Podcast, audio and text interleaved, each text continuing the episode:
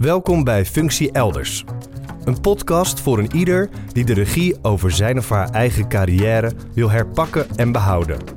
En voor een ieder die op zoek is naar langdurig geluk in zijn of haar werk.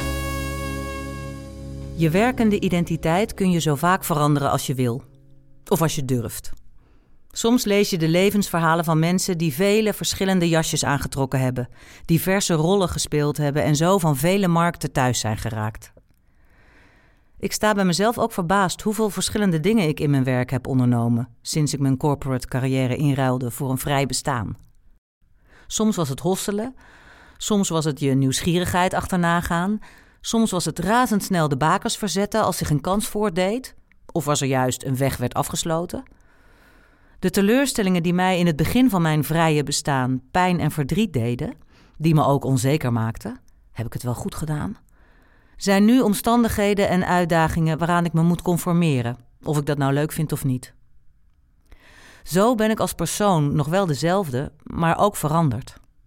Tevreden met wie ik ben en met wat ik heb bereikt, maar nog steeds vol dromen en ideeën. Anders dan vroeger, maar nog wel dezelfde mens, dezelfde eigen identiteit. Ik kijk met bewondering naar de mensen die loslaten en een nieuwe werkende identiteit opzoeken. Ik zie hun balans, hun rust, hun zijn. Ik zie ook de mensen die nog lang blijven hangen aan de werkende identiteit van weleer en die een volgende versie van dezelfde werkende ik worden of een karikatuur daarvan.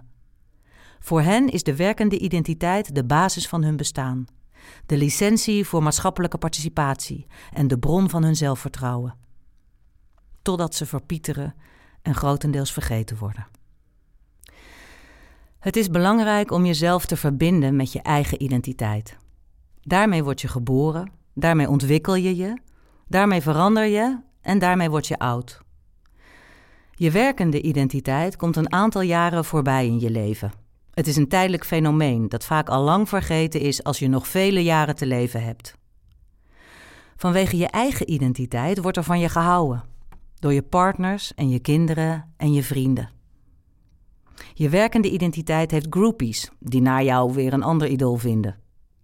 Je eigen identiteit is wie je was, bent en zoals je herinnerd wilt worden.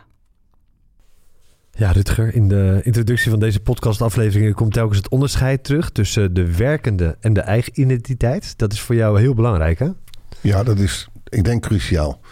Um, kijk, voor een gedeelte ben je natuurlijk altijd een beetje het werk wat je doet. Want als je het werk wat je doet met, met liefde en plezier en motivatie doet, dan is het ook een deel van je, van je persoonlijkheid uh, wat in je werk gaat, uh, gaat zitten.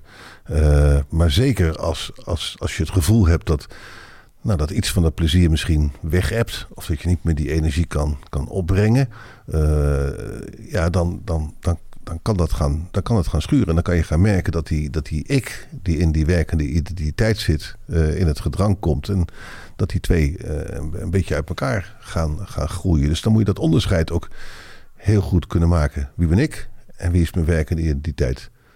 Uh, als wij de minister-president op televisie zien, dan zit daar een rol, dan zit daar een functie, dan zit daar een ambt. En die spreken we aan, wat mij betreft, met minister-president, met premier dan zit er niet Mark. Want Mark is, is een man van vlees en bloed. Met, met allerlei gedachten, ideeën, dromen en, en wat iets meer zei. Dus ik vind dat onderscheid altijd heel erg belangrijk. Dat je kijkt naar de rol, naar het ambt, naar de functie die bekleed wordt, die jij bekleedt. En naar de persoon die je, uh, die je bent. En, en beide veranderen. Beide zijn niet statisch in de tijd. Beide beide evolueren. Jij wordt ouder, je vak wordt anders. Eh, op een gegeven moment ga je zeggen als, uh, als, als arts van nou, vroeger, toen we dat elektronische patiëntendossier niet hadden, was het toch allemaal heel anders. Nou, zo heeft iedereen in zijn eigen beroep uh, dat hij af en toe vroeger aanroept. En dan is de grote vraag, betekent dat nu dat je aan het afhaken bent, dat je het toch minder leuk vindt nu dan het vroeger was? Nou, dat zijn, dat zijn alarmbellen of alarmbelletjes die dan uh, afgaan. Want dan, dan zie je dat die panelen gaan schuiven. En, en ja, waar het kan schuiven, kan het op een gegeven moment gaan schuren. En als het al te veel schuurt, gaat het botsen. Ja, wanneer gaat het precies botsen dan? Het gaat botsen als je echt het gevoel hebt dat je uh, niet meer dat plezier in je werk hebt wat je bij je werk zou willen voelen. Dat je nog steeds intrinsiek gemotiveerd bent misschien om arts te zijn, om dat voorbeeld maar aan te houden. Maar dat de manier waarop je die intrinsieke motivatie in je huidige identiteit, met dat huidige jasje, uh, kwijt kan, dat dat niet meer is wat echt, echt bij je past. En dan, dan zou je moeten nadenken of je niet op een, op een andere manier die intrinsieke motivatie vorm en inhoud moet geven. Welke groep mensen heeft hier het meest last van?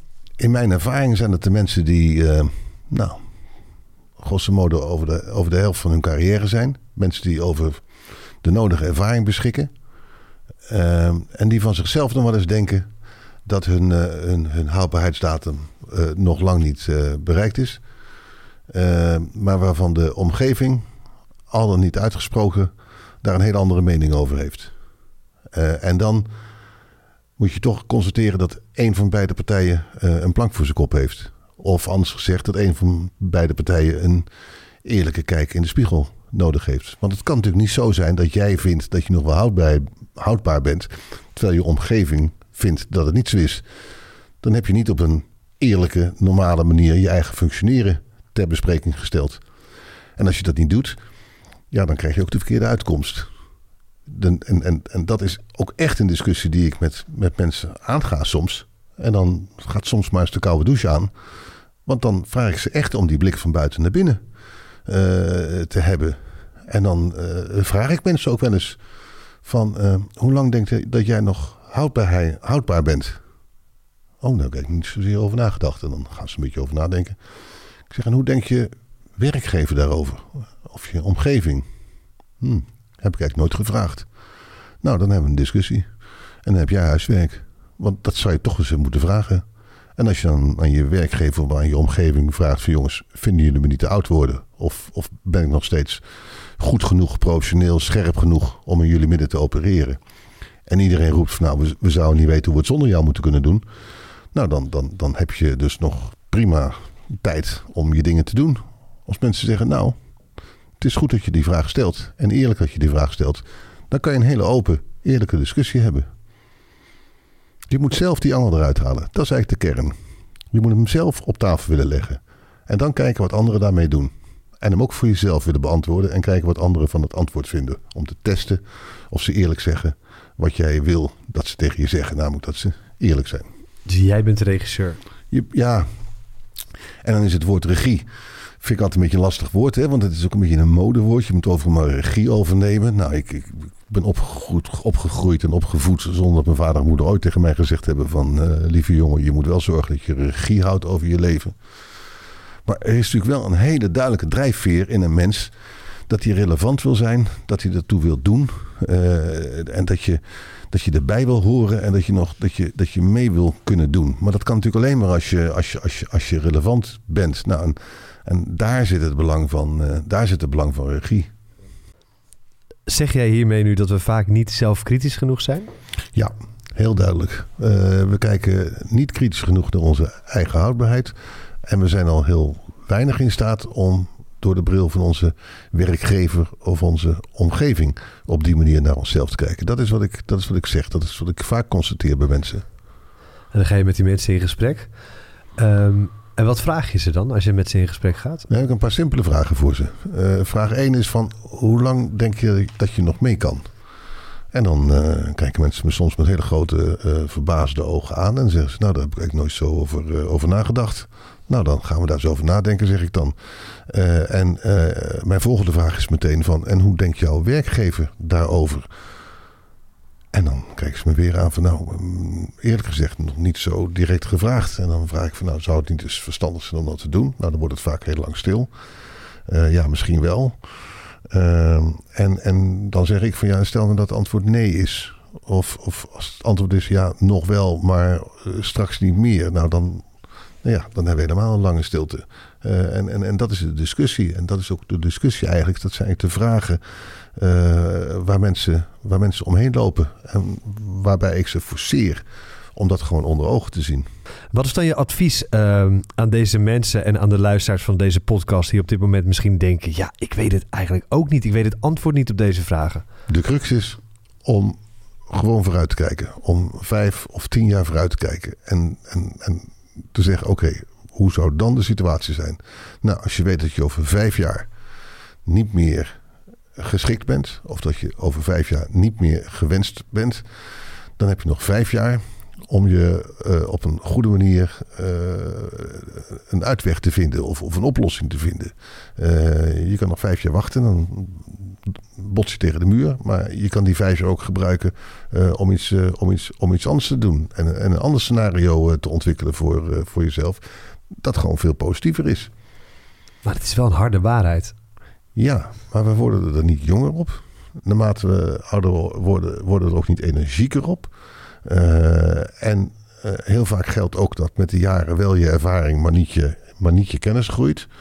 Uh, en uiteindelijk wordt iedereen ingehaald door, door, door, door, door de tijd. Dus je moet wel even heel goed naar jezelf kijken.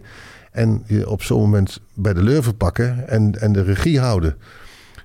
En dan kan je bepalen wat, wat jij wil en wat jij wil doen. En daar hoort ook bij van de discussie aangaan met je omgeving. Uh, wat goede oplossingen zouden kunnen, zouden kunnen zijn. Oké, okay, dus je moet echt die regie pakken. Ik weet, je hebt een hekel aan het woord, want het is een modewoord. Ja. Maar je moet toch die regie pakken en streng naar jezelf zijn. Dat is het. Ja, ja, het is, ja. En, en regie heeft dus met name te maken op het basale recht van mensen om keuzes te maken. Het, het recht wat mensen hebben om keuzes te maken waarmee ze autonoom blijven, zoveel mogelijk. En relevant blijven, zoveel mogelijk. En dat zijn hele belangrijke drijfveren uh, voor mensen. Nou, en die kan je bewerkstelligen door zelf die uh, uh, regie te pakken. En als je dat doet, dan, dan creëer je ook veerkracht. En veerkracht is niets anders dan het vermogen om je van, van stress en, en tegenslagen te ontdoen. Dus dan kan je zeggen van nou, dit gaat straks fout lopen of dit gaat op een eind lopen. Maar ik ben veerkrachtig. Want ik maak mijn keuzes uh, en ik weet wie ik ben. Ik heb dat zelf inzicht. En ik ga dus nu deze keuzes maken. Want daarmee voorkom, ik een botsing. Daarmee voorkom ik een crash.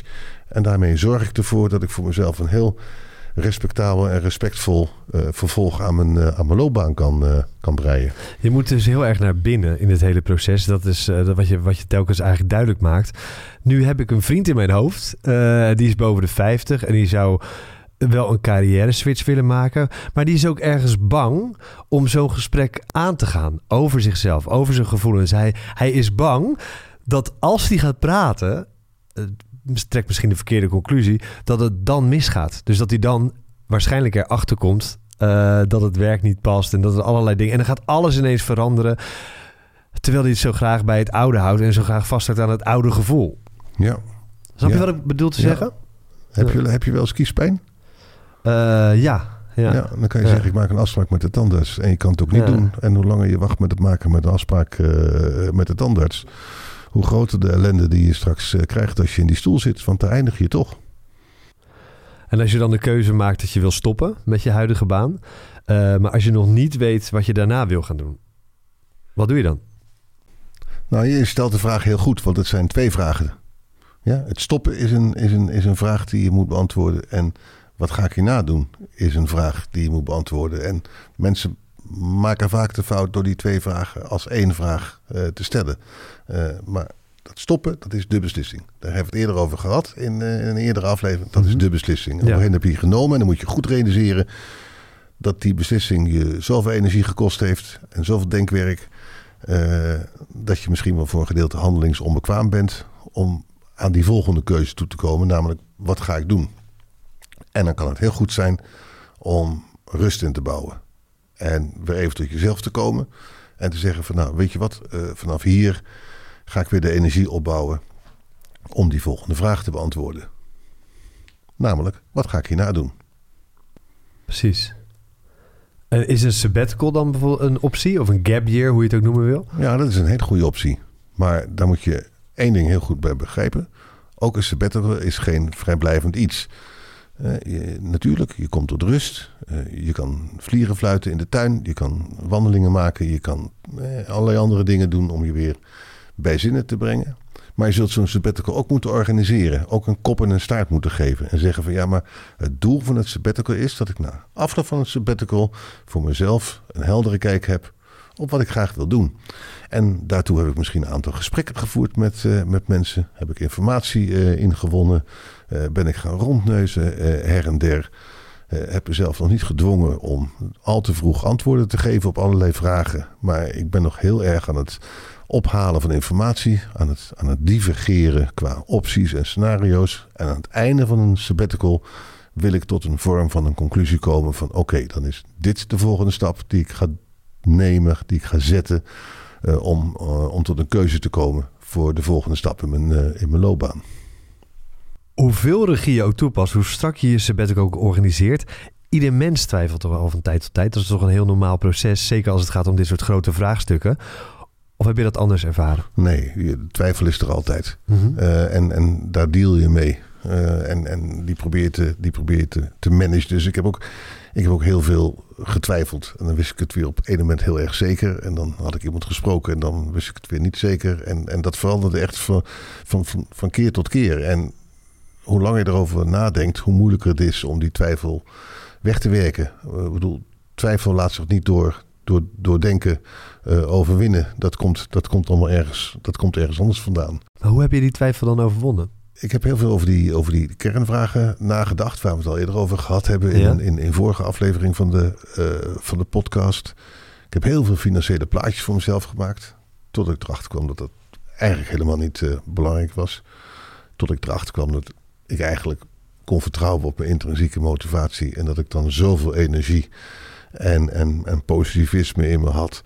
Uh, dat, ik, ja, dat ik het wel aan zou kunnen. Dus toen ben ik eigenlijk heel erg gaan focussen op die intrinsieke uh, uh, motivatie bij mezelf. en en daar, ben ik, daar ben ik mijn energie in gaan, in, gaan, in gaan stoppen. En die twijfels die zijn er altijd. Maar dan zou je kunnen zeggen, je kan beter bewust twijfelen dan, dan onbewust dingen doen. en dat is een beetje de manier waarop ik het, waarop ik het heb aangepakt.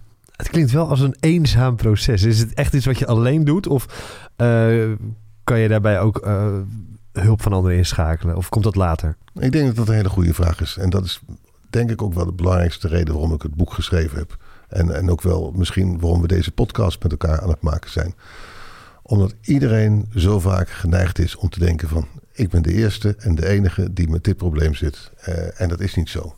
Uh, iedereen er is er al eens een keertje doorheen uh, gegaan. Dus het is gewoon fijn om die herkenning te kunnen bieden aan mensen. Zodat ze er voor hun gevoel in ieder geval niet, niet alleen, alleen voor staan. Ik was in het begin verbaasd over het aantal mensen die tegen mij zei dat ze ook door dat denkproces aan het gaan waren van wil ik hier wel werken of niet en wat, wat, wat wil ik dan? En dat werd voor mij een groot feest van, van herkenning. Dus ik vind het ook ontzettend leuk om uh, om voor die mensen een gesprekspartner te zijn. Uh, en om ze dat elke keer terug te geven. En, en ook de momenten van twijfel te herkennen.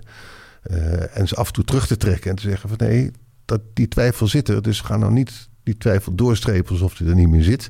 Die zit er, die schrijven we op. En als we een heel stuk verder zijn, dan kijken we nog eens terug naar het blaadje van twijfels. En dan gaan we kijken of ze allemaal nog uh, zo overeind staan, uh, ja of nee. Dus jij voorziet daarin waarin je zelf behoefte had op enig moment. Ja, en dan wil je niet zozeer een coach, uh, maar je wil een gesprekspartner. Je wil iemand die met je meeloopt, die met je meedenkt. Maar wat ik al eens een keertje eerder tegen je zei, die niet met je meepraat. Uh, iemand die ook een weerwoord kan geven. Iemand die kan, iemand die kan luisteren. En, Waarom is dat zo belangrijk? Omdat je wil dat iemand het gesprek voert vanuit een besef dat hij voelt wat jij ook voelt. Uh, in ieder geval dat hij, dat hij, dat hij daar geweest is. Dat, dat, dat hij dat, dat gevoelsproces uh, herkent. En niet iemand die probeert om, om, om jouw analyses of jouw gevoelens in een, in een formule te brengen of in een model te brengen. Uh, ik heb wel eens bij coaches gestaan die tekenen meteen een modelletje en die zeiden van nou zet, eens even een punt waar jij, waar jij staat. En dan dacht ik altijd van ja maar mijn gevoelens zijn even niet te framen. Uh, ik wil alleen even iets tegen je kwijt. En ik zou het fijn vinden als je daarop reageert. Of als we het daarover kunnen hebben. Uh, zonder dat jij dat nou meteen in een model voor mij moet stoppen. En nou, nou wil ik niet zeggen dat, dat alle coaches dat doen. En dat, dat coaching geen, geen waarde kan hebben. Zeker niet. Uh, coaching kan van grote waarde zijn. Maar wat ik voor mensen wil zijn, is de, is de gesprekspartner. Maar dat kan ook je beste vriend of vriendin misschien zijn? Dat is lastig. Kijk, die beste vriendin en beste vriend en je, je echtgenoot, echtgenoten, kinderen, uh, ouders, eh, die houden allemaal van je. Dus die, die, die zijn op kritische momenten, essentiële momenten, misschien niet zo scherp in hun weerwoord uh, als goed zou zijn voor, voor jouw proces. Ze zijn misschien niet in staat om je pijn te doen als pijn op dat moment toch functioneel is. als er een vinger moet worden gelegd op een zere plek. als, als jij een pijnlijke plek hebt en, en jouw vrouw vraagt van waar doet het pijn? Dan zeg je, dan wijs je zelf het plekje aan. En dan zeg je, nou ga ze naar de fysiotherapeut toe. Dan ga je naar de fysiotherapeut, die doet precies hetzelfde. Die legt zijn vinger op die zere plek en dan zegt, doet het daar pijn? En dan zeg je, ja, daar doet het pijn. En dan begint hij heel hard te duwen. En dan gaat hij daar de pijn helemaal wegduwen. En dat, is wat een, dat is wat een gesprekspartner of eventueel een coach voor je kan doen. En wat een binnenwereld, dus mensen die heel dichtbij je staan, ja, die, die kunnen dat niet. Dat, is, dat, dat kan je niet van ze vragen. Dat is hun rol ook helemaal niet. Dat is hun relatie met jou ook helemaal niet.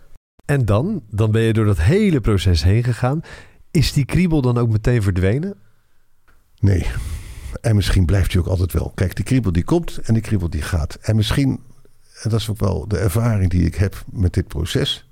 Uh, dat je denkt, ben ik nooit klaar hiermee? Nee, misschien wordt dit hele transformatieproces wel een deel van je zijn. En ga je van tijd tot tijd weer door datzelfde proces heen. En horen daar weer nieuwe tegenslagen bij, horen daar weer nieuwe lessen bij. Ga je weer terug naar bepaalde kernvragen, ga je weer terug naar bepaalde bronnen. Uh, en, en word je er steeds bedrevener in om dat proces bij jezelf te herkennen en bespreekbaar te maken met, eh, met, je, met, je, met je omgeving. Uh, en dat verlangen naar een, naar een statische oplossing, die er altijd is en er ook altijd zal blijven tot, tot, ja, tot wanneer eigenlijk, eh, is natuurlijk ook eigenlijk een irreëel uh, verlangen. Want op een gegeven moment komt ook ons werkende leven uh, aan, aan zijn einde. Aan zijn, maar hopelijk aan zijn natuurlijke einde en naar een einde toe. Waar waar je zelf enige zeggenschap over gehad hebt. Zodat je met een heel tevreden gevoel op een gegeven moment de deur achter je dichttrekt. En zegt, nou, dat was hartstikke leuk. Ik zie jou heel vaak stralen als je praat. Nou ben ik benieuwd, hoe, hoe had ik jou leren kennen als je nog die bankier tussen aanhalingstekens was? Je was natuurlijk een onbankse bankier. Wat is er nou eigenlijk veranderd aan Rutger uh, toen hij dat hele transformatieproces heeft doorgemaakt? Ik weet niet of het met, het, of het met dat jasje van de bankier te maken heeft. Of dat het met de, of met de, of, of dat het met de inhoud te maken heeft, met de persoon. Uh, ik ben als persoon natuurlijk heel erg getekend door wat me de afgelopen 10, eh, 15 jaar eh, overkomen is. En hoe ik daarmee omgegaan ben. En wat ik ervan gemaakt heb. Dus ik zou bijna niet meer weten uh, wie je tegenover je had uh, 15 jaar geleden. Want het was echt een heel andere tijd. en dat was ook een heel andere werkende identiteit. en ik ben wel blij, en dat is ook wat ik heel erg veel mensen meegeef naarmate je ouder wordt, is het steeds belangrijker dat jouw eigen identiteit de overhand neemt. Uh, dat je moet voorkomen dat je die karikatuur wordt van jezelf.